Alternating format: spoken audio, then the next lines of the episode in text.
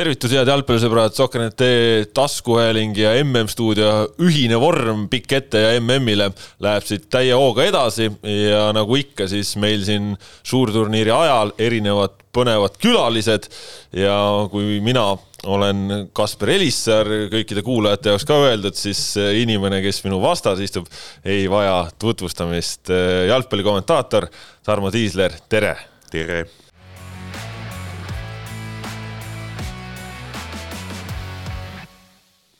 No Tarmo, tavaliselt äh, jalgpallisõprade jaoks mm algab pihta siis, kui ta algab, ehk siis äh, circa selline kaks nädalat tagasi tavalise inimese jaoks asi lahti läks. millal sinu jaoks seekordne MM-finaalturniir juba pihta algas? millal algas, sa mõtled, et millal ma tegin mingi esimese liigutuse või no, millal ma esimest just, korda mõtlesin, et just. see tuleb või, või niimoodi? Ma arvan, et mingi aasta tagasi äkki tuli esimest korda jutuks, sest meie oma maja mingeid plaane hakkame ju siis tegema, et äh, mängude kava saab ju paika suhteliselt varakult. isegi mitte, et mis meeskond mingil päeval või kellaajal mängib, aga et mis kellaajal üldse mängud on ja missugune äh, mis on mängude kellaajad, jah, hakkame siis sellest peale, mis on mängude kellaajad? Ja, ja me joonistame nad siis välja ja vaatame, et mis me sinna ümber tegema hakkame. ja see vist on see esimene liigutus, millega me tegutseme. Ja ma pakuks, et see oli umbes aasta tagasi, aga võib-olla Rivo Saarnal, meie toimetuse juhil, oli oma mingisuguses äh, Excelis mingi fail avatud juba varem ja noh, tõenäoliselt oligi, et noh, tema tegeleb igapäevase asjaajamisega ja ja, ja, ja peab hakkama pihta varem. Ja noh, kasvõi juba, ei, tähendab, me kindlasti, kui oli EM eelmisel aastal suvel, siis me seal lõpupoole rääkisime, et näe, nüüd tuleb järgmine mm talvel, et huvitav, et kuhu me stuudio teeme, sest noh, muidu ju suvel on ETV stuudiod vabad, sest teisi saateid ju siis ei ole, ole aga nüüd me oleme ju samal ajal kõikide teiste saadetega ja see, kui ETV stuudio ehitatakse üles, see tähendab seda, et et ta ongi meil püsti kuu aega. teda hakati ehitama, kui pühapäeval oli avamäng, teda hakati reedel ehitama ja ma arvan, teda hakataksegi maha võtma kaheksateistkümnenda õhtul pärast mängu. ehk siis kuu aega on nii, see kuulus esimene stuudio ongi jalgpallistuudio. et kuidas kogu muud asja sinna ümber siis paigutada. et, et, et see tegevus, ma arvan, hakkas jah, ikkagi aasta ja rohkem tagasi pihta. kuidas sa end äh, lainele sätid, kui mm lähemale jõuab? ega ma iseennast väga ei sätigi, ma arvan, see mm sätib mind ise kuidagi lainele ja tõmbab kaasa ja noh, midagi ei ole teha.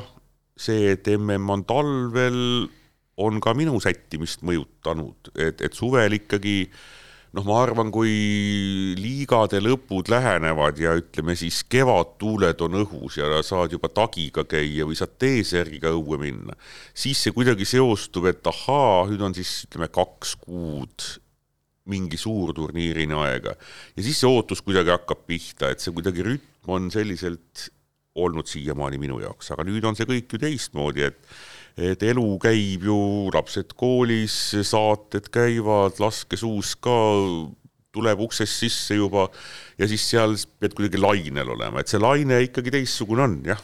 Kui palju sinu jaoks võtab aega turniiri selline üldisem ettevalmistus, et, et teaksid, kes seal mängivad ja mis nad teinud on? Ja kui palju selle kõrval siis võtab veel lisaks aega see, et üheks mänguks valmistuda? no jällegi, ma ju noh, ma arvan tegelikult, et sina ka või ma arvan, et kõik, kes kommenteerivad jalgpalli, nii-öelda üldise ettevalmistuse teevad ju nii, et nad ei anna sellest endale aru, et see on nüüd minu üldine ettevalmistus, et sa jälgid jalgpalli, mis on minu meelest kõige alus, et sa igapäevaselt seda jälgid, et kui suvel noh, hooaeg on mingisugune paar nädalat, kus midagi kuskil justkui suurtes liigades ei toimu, siis ma ikka ju vaatan, mis toimub. samamoodi ma läbi suve vaatan, mis laskesuusamaailmas toimub, et ma tavaliselt aprilli keskel juba teen uue faili endale ja hakkan niimoodi kord kümne päeva tagant käin oma mingid laskesuusa saidid läbi, vaadates, et mis siis nagu toimub, et noh, nagu see on see, mida ei ole võimalik mõõta, aga ilma milleta ei ole võimalik jällegi teha. tavaettevalmistust no mina oska öelda, no sõltub meeskonnast, sõltub täiesti meeskonnast, ma ei oska neid tunde jagada aga, aga mul ei ole niimoodi, et ma nüüd teisipäeviti kümnest üheteistkümneni on mul jalgpalli ettevalmistuse aeg, et mm. seda ei ole. no me teame, et sa armastad väga lõunauinakuid. milline su päevakava näeb välja MM-i ajal, eriti kui siin vahepeal ka väga varajased mängud toimuvad? no varasemad mängud õnneks on nüüd läbi saanud, et Eh, noh, päevakava on niimoodi, tõusen noh, laias laastus üles üheksa pool kümme, siis niimoodi uimerdan kodus, noh, ma olen ikka kulduimerdaja. ja siis hakkan nagu otsast pihta, hakkan jällegi lugema, et kui mul eelmine õhtu on jäänud mingisugune noh, mäng vaatamata, mida ma tahan üle vaadata, siis ma midagi vaatan. Või kui ma hakkan noh, näiteks äh, kolmapäeval ma tegin Austraalia mängu esimest korda turniiril ja ma ei olnud Austraaliat vaadanud sinnamaani, ma hakkasin oma mingit Austraalia faili tegema ja samas, samal ajal panin Austraalia mängu lihtsalt häälega taha tiksuma niimoodi, niimoodi heas mõttes taustaks, et, et seda ma siis teen mingi kellaajani, siis söön lõuna, siis teen uinaku, kosutav uinaku, kosutav uinaku, imeline asi päeval. ja siis ärkan üles ja siis pakin asjad, vaatan veel üle ja, ja lähen kas äh, praegu MM-i ajal mahub su pähe ka teisi mõtteid, mis ei ole jalgpallist? jaa, mahub ja jällegi seoses sellega, et meil on talve-MM, mahub neid sinna oluliselt rohkem. suvel ma kuidagi lähen sinna MM-i rohkem sisse. ma ei oska öelda, kas see on hea või halb, aga talvisel ajal, noh, ma ju vaatan, mis suusamaailmas toimub, mis laskesuusamaailmas toimub, ma kahjuks ei jõua jah, MM-i kõrvalt minna kuhugi kontserdile, mõnele noh, ERSO kontserdile või klassikalise muusika kontserdile, kus mul meeldib väga käia, et seda võimalust mul praegu ei ole. aga näiteks noh, kui teisipäev järgmisel nädalal saab läbi, siis on kaks päeva vahet ja kolmapäeva päeval mina Tallinnast kaon ja tulen tagasi siia neljapäeva hommikupoolikul, võtan oma kalli abikaasa kaasa, me lähme lihtsalt levist välja mind ravima kui eriline on üks MM-finaalturniir sinu kui spordiajakirjani jaoks? no ikka ta on eriline, no ikka ta on eriline, et, et ma ei saa öelda, et ma ei oleks neid tohutult palju teinud, aga noh, ma midagi ikkagi olen teinud. ja, ja kui ta ei ole, kui ta ei oleks minu jaoks eriline, no siis oleks väga halvasti. noh, samamoodi nagu jällegi toome mingi võrdluse laskesuusaga, mida ma ju noh, olen ka mitu-mitu aastat teinud ja siis on ikkagi sa näed, et see nädalavahetus tuleb ja ikkagi no hakkab nagu tiksuma ja see on jube äge tiksumine, muidugi on eriline, muidugi on eriline, nii nagu koondise mängud on erilised, nii nagu kõik laivülekanded on mm. erilised kas see, et äh, see tänavune turniir toimub äh, Kataris, muudab ka sinu jaoks midagi, muudab su suhtumist või olemist või, või seda, kuidas sa seda turniiri võtad enda jaoks? sa võtad Katarit kui kohta, aega kõike. noh, ajast me rääkisime, et, et talveaeg väga palju muudab. koht eh, noh, selles mõttes jah, muudab, et ta ei ole oma loomulikus keskkonnas, et minu jaoks on mõistusevastane ehitada niisuguse raha eest lihtsalt kunstlikult selline hulk staadione lihtsalt, mis kõrvalt vaadates kindlasti on väga uhke, mitte midagi pole öelda. aga et, et kas sel kõigil on seda väärtust noh, sama asi on ka olümpiamängudega, et see on läinud nii suureks ja nii rahakulukaks ja olümpiamängud siiski on läinud paljuski ka selliste ajustiste ehitiste peale paljudel spordialadel, mida jalgpall ju teha ei saa, nii et et selles mõttes noh, mulle jällegi meeldis väga see viimane EM, mis oli üle-euroopaline just nimelt sellepärast, et seda jalajälge oli kuidagi, kuidagi vähem, et kõik said natuke ja me nagu kunstlikult ei teinud midagi sest teha noh, nagu ühes riigis MM-i või EM-i neid riike jääb ju järjest vähemaks, kes oleksid võimelised seda oma infra poolest tegema, nii et, et, et selles mõttes koha mõttes muudab. kõige selle muu melu juures jah, seda, seda jauramist on noh, noh, heas mõttes jauramist on olnud äh, palju ja see on igati põhjendatud, et me nendel teemadel räägime. aga noh, nagu mulle tundub nüüd, kui jalgpall ikkagi laseb oma kolmandat nädalat või ütleme siis kümnendat päeva, mitmes meil siin on, ütleme siis teise nädala alguses varsti oleme, kolmanda nädala alguses varsti oleme.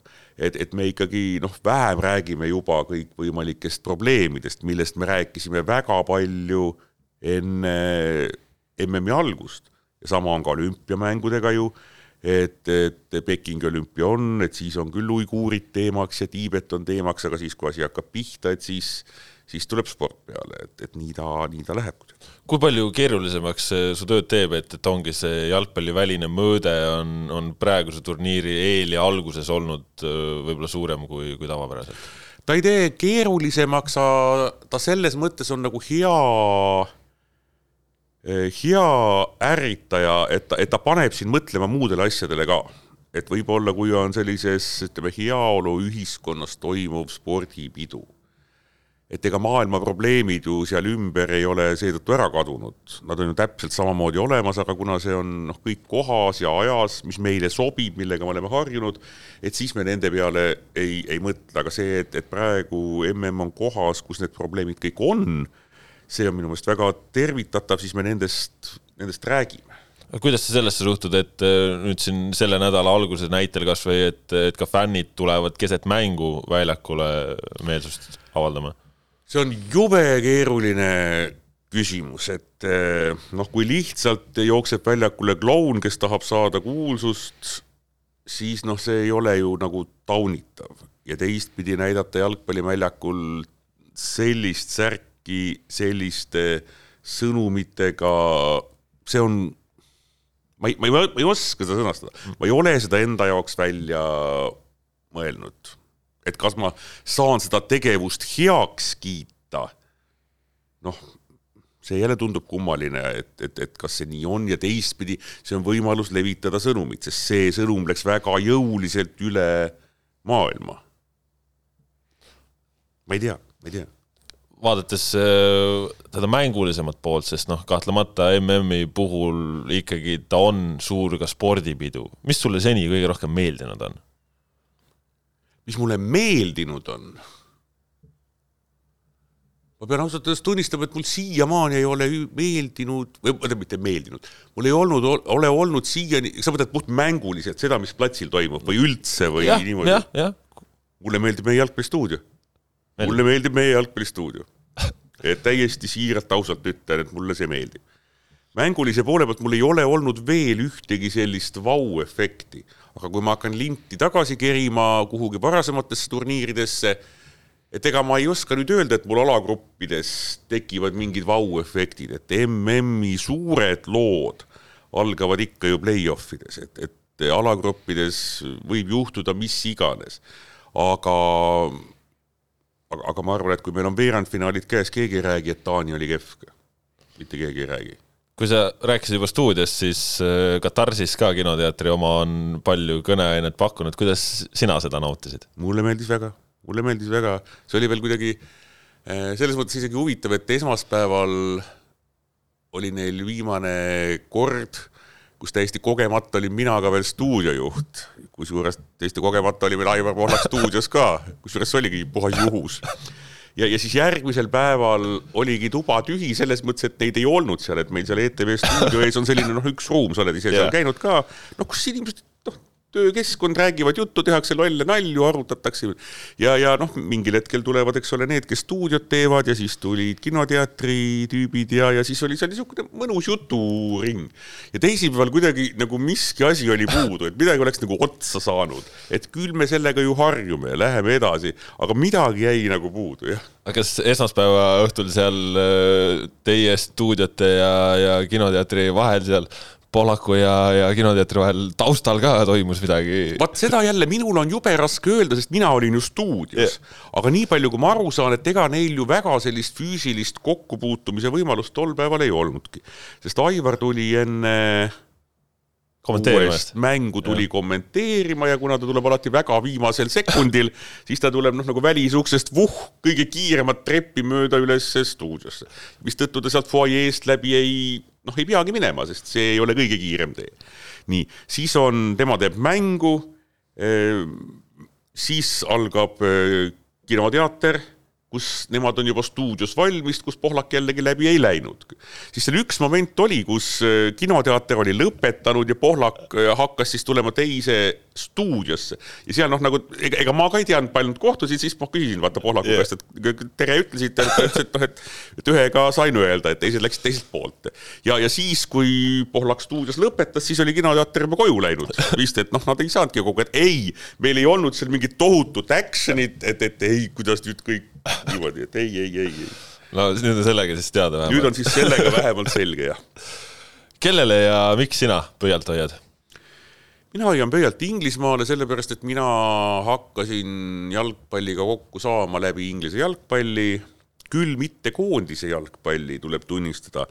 ikka noh, seitsmekümnendatel mustvalge telekas ja siis Soome näitas Inglise jalgpalliliigat ja lisaks sellele, et mänge oli põnev vaadata, noh, toona üldse ei olnud eriti midagi vaadata ja kõik, mis oli, oligi põnev, mulle tohutult meeldis, kui Soome spordisaadetes loeti ette õhtul mängude tulemusi, vaata noh, sina oled, eks ole, Hiiumaalt, sina ei tea, mis elu oleme me siin linnas elanud. ei, ma ei, Soome televisioonist ei tea midagi. no vot, aga siis oli niimoodi, nagu ka Inglismaal oli väga tükk aega, et, et spordisaates loeti ju tulemused ära ja siis noh, mis käis siis niimoodi, et loetigi, et Manchester United null, Tottenham kaks, noh niimoodi yeah. ta-ta-ta-ta-ta-ta, niimoodi voog. Indrek Švedele meeldis see just, näide praegu väga. just, just, just, just, just, just, Tottenham, nii.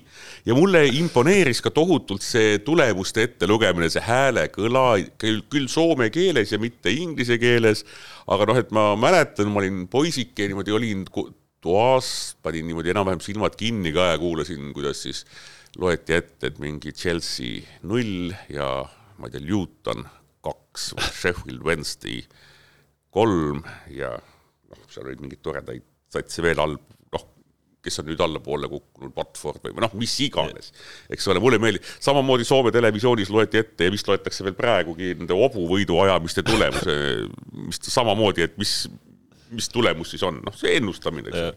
vot ühesõnaga, see, ja see tõi mulle mingisuguse Inglismaa lingi, aga Inglismaa koondis minu jaoks noh, nagu esimese plahvatusega tuli ikkagi, ma arvan, siis, kui ma olin juba vanem inimene, ehk siis üheksakümmend mm ja noh, nagu täiega katus läks mul sõitma ikka üheksakümmend kuus EM Inglismaa koondise koha pealt. et selles mõttes suht hilises eas koondise koha pealt. kui keeruline on äh, MM-i kommenteerida, kui mängib võistkond, kelle osas on sul sümpaatia, sest no sa oled suhteliselt emotsionaalne inimene. jaa, olen ja noh, eks ma ju midagi oskan noh, nagu peita ka, et, et see turniir jälle, kusjuures toimetuses, kui me mänge jagame, siis kõik juba teavad, et et noh, mulle tohutult meeldib Inglismaad teha ja üldiselt mulle seda ka võimaldavad, nii et nüüd on ka, et ma tegin kolm alagruppi Inglismaad ja nüüd esimese Inglismaa Senegal oli ka minu teha või noh, on minu teha.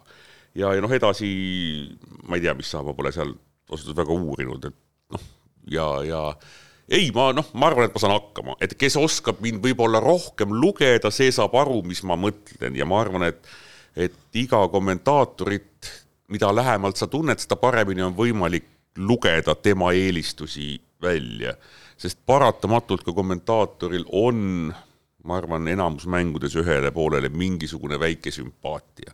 ja kas seda peabki nii täiesti neutraalseks ajama, selles ma nüüd ka kindel ei ole, et muidu ta jääbki selline poliitkorrektne ilma igasuguse sellise vurtsuta ja särtsuta ja ülekanne ja noh, neid ka ei taha keegi kuulata. kui palju sa jälgid, mida keegi teine sinu tegemistest arvab, kui palju seda tagasisidet sinuni jõuab?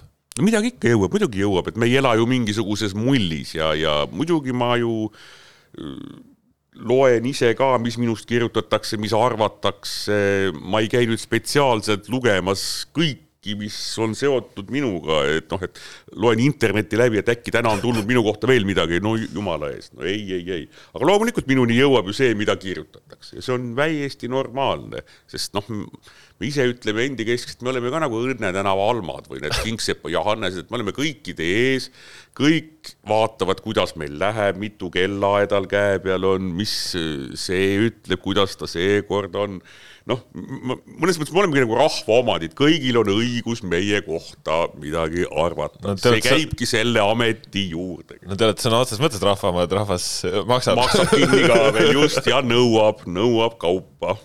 aga kui palju sellest on kaasa võtta ja kui palju sa distantseerid sellest? nii ja naa, ma püüan seda kõike võtta suhteliselt ratsionaalselt, ma püüan aru saada ka sellised just, et äkki on seal tõetera sees, et ma kind-, isegi kui see on võib-olla esitatud mingisuguses suhteliselt robustses vormis, siis seal võib olla tõetera sees ja ma ei hakka eitama, et mis sa ka tead asjast, ma olen kurat teinud siin aastakümneid seda asja, sa ei tea midagi. muidugi, muidugi ja, ja see, ja võib ollagi niimoodi, nii et ma püüan seda filtreerida, püüan seda kõike teha siis, kui ma ei ole otse mängult tulnud sest äh, pärast mängu ma arvan, iga otse-eetri järgselt on inimene hästi tundlik, et siis no ei ole mitte midagi mõtet öelda, lugeda, see ei anna mitte midagi sellisel juhul. ja, ja noh, natukene rahuneme, ikka vaatame, ikka loeme, arutame, mul on paar noh, head niisugust tuttavat, kellega ma täiesti normaalselt arutanud, arutan, kes annavad mulle märku minu vigadest, kes äh, teevad mulle tähelepanekuid, et, et see ei tööta, mis sa teed, proovi niimoodi, see oli hea, aga ära seda väga palju kasuta, noh, see on ka ju mm. väga minu meelest hea tähelepanek, et ära istu ühe asja otsas kogu aeg mm., mille kohta sa näiteks oled saanud head tagasisidet, et eh, noh, ühesõnaga mul on selliseid kontrollkuulajaid, ma olen nende üle, noh, nendele väga tänulik. mida sa alles jäänud turniirilt ootad? Ma ootaks, et midagi nagu juhtuma ka hakkaks, et siiamaani on kuidagi jube poliitkorrektne olnud, et selles mõttes oli Kait Kallil vaata, arvamusliider meil seal kinoteatris ju, eks ole, oli jumala tõetera sees jutul, kui talt küsiti, et ka umbes, et mis eh, turniirist arvata, ütles, et nagu suurt asja pole olnud, et mingit action'it ei ole olnud, et ei olegi siiamaani midagi olnud, kõik mängivad jalgpalli, midagi ei ole justkui juhtunud keegi pole, ma ei tea, kellegagi kaklema läinud, mitte et ma seda tahaks, aga see kuidagi käib nagu asja juurde, niisugust suurt asja ei ole veel olnud. et mängitakse jalgpalli, kõige suurem asi on lisaminutid, noh, et see ei ole ju ka suur asi tegelikult, et ma ootan, et midagi juhtuma hakkaks. kui ma vaatasin ERR-i kavast õigesti, siis sinu viimane mäng sel turniiril on teine poolfinaal. keda sa seal näha tahad? Seda ausalt öeldes ma isegi ei tea, kes sealt poolt tulevad, ma, ma isegi ei, ei tea täpselt kumb tabelipool see nüüd on, sest noh, meil see mängude jagamine või vähemalt minu puhul on niimoodi, et äh, alagrupis sa saad, eks ole, valida mingis järjestuses, aga need play-off'id ma panen küll pimesi või noh, et võtame sel mm -hmm. päeval selle, et noh, ma ei hakka nagu sätitama, et kes sealt tulevad ja äkki minul poolfinaal on see tabeli teine pool, ütleks loogiliselt, ehk siis nende alagruppide pealt ei ikka vist teine pool on minu mõju, ma ei, ma ei oska. aga hingeliselt? mina, no vahet polegi. tähendab, see, see, see on nüüd ka asi, mida ma olen kuidagi aastatega õppinud, et, et, et ma ei oota tohutult selle või tolle vastasseisu kommenteerimist mm.. ma võtan seda, mis see päev toob ja nii ongi, esiteks on niimoodi väga palju lihtsam elada muidu sa noh, nagu teed endale ise mingi probleemi, siis järsku pettud, sest sa ei suuda seda lahendada, et ma tahtsin saada, ma ei tea, Brasiilia-Argentiina poolfinaali, aga näe, sain hoopis ma ei tea, Saksamaa, Horvaatia, et mis ma nüüd pihta hakkan, et noh, seal pole ju mingit mõtet. et, et ma mõtlen pigem niimoodi, et mul on võimalus teha MM-i poolfinaali.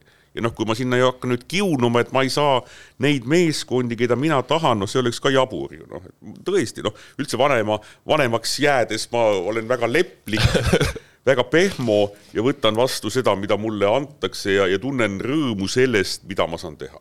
Kui... ja nii lihtne see ongi aga kui palju sa sellele mõtled, et see poolfinaal võib jääda mõneks ajaks su viimaseks suurturniiri? jaa, ma olen sellele mõelnud, ma ei saa ju, noh, ma ei ela ju mingisuguses paralleelmaailmas, et äh, muidugi võib jääda.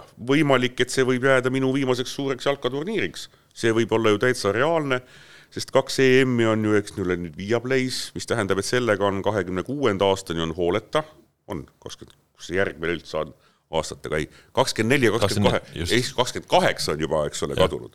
kuskil müüakse kakskümmend kuus MM-i, kellele see läheb, mina ei tea, ja seal on see nüanss, et, et see on ju noh, niisugune öine turniir. Mm, -hmm. USA, Kanada, Mehhiko et, et see on nelja aasta pärast, siis ma olen viiskümmend seitse, ma juba praegu vajan väga regulaarset tund ja see ei ole üldse naljaasi mm, -hmm. et, et, et, et noh, kui sa oled kakskümmend viis, siis juba vahet ei ole, millal sa magad või kas sa üldse magad, siis andke ainult ette. et enam ei ole niimoodi, et, et ma isegi ei tea, kui tuleb see Põhja-Ameerika turniir, et kas mina üldse nagu füüsiliselt olen võimeline seda tegema öösiti niimoodi mm. mitu nädalat järjest, nii et jah, ma olen selle peale mõelnud, et võib-olla see on minu viimane turniir aga ma ei tee sellest jälle endalegi probleemi, sest noh, ükskord tuleb igalühel tema viimane turniir ja viimane mäng.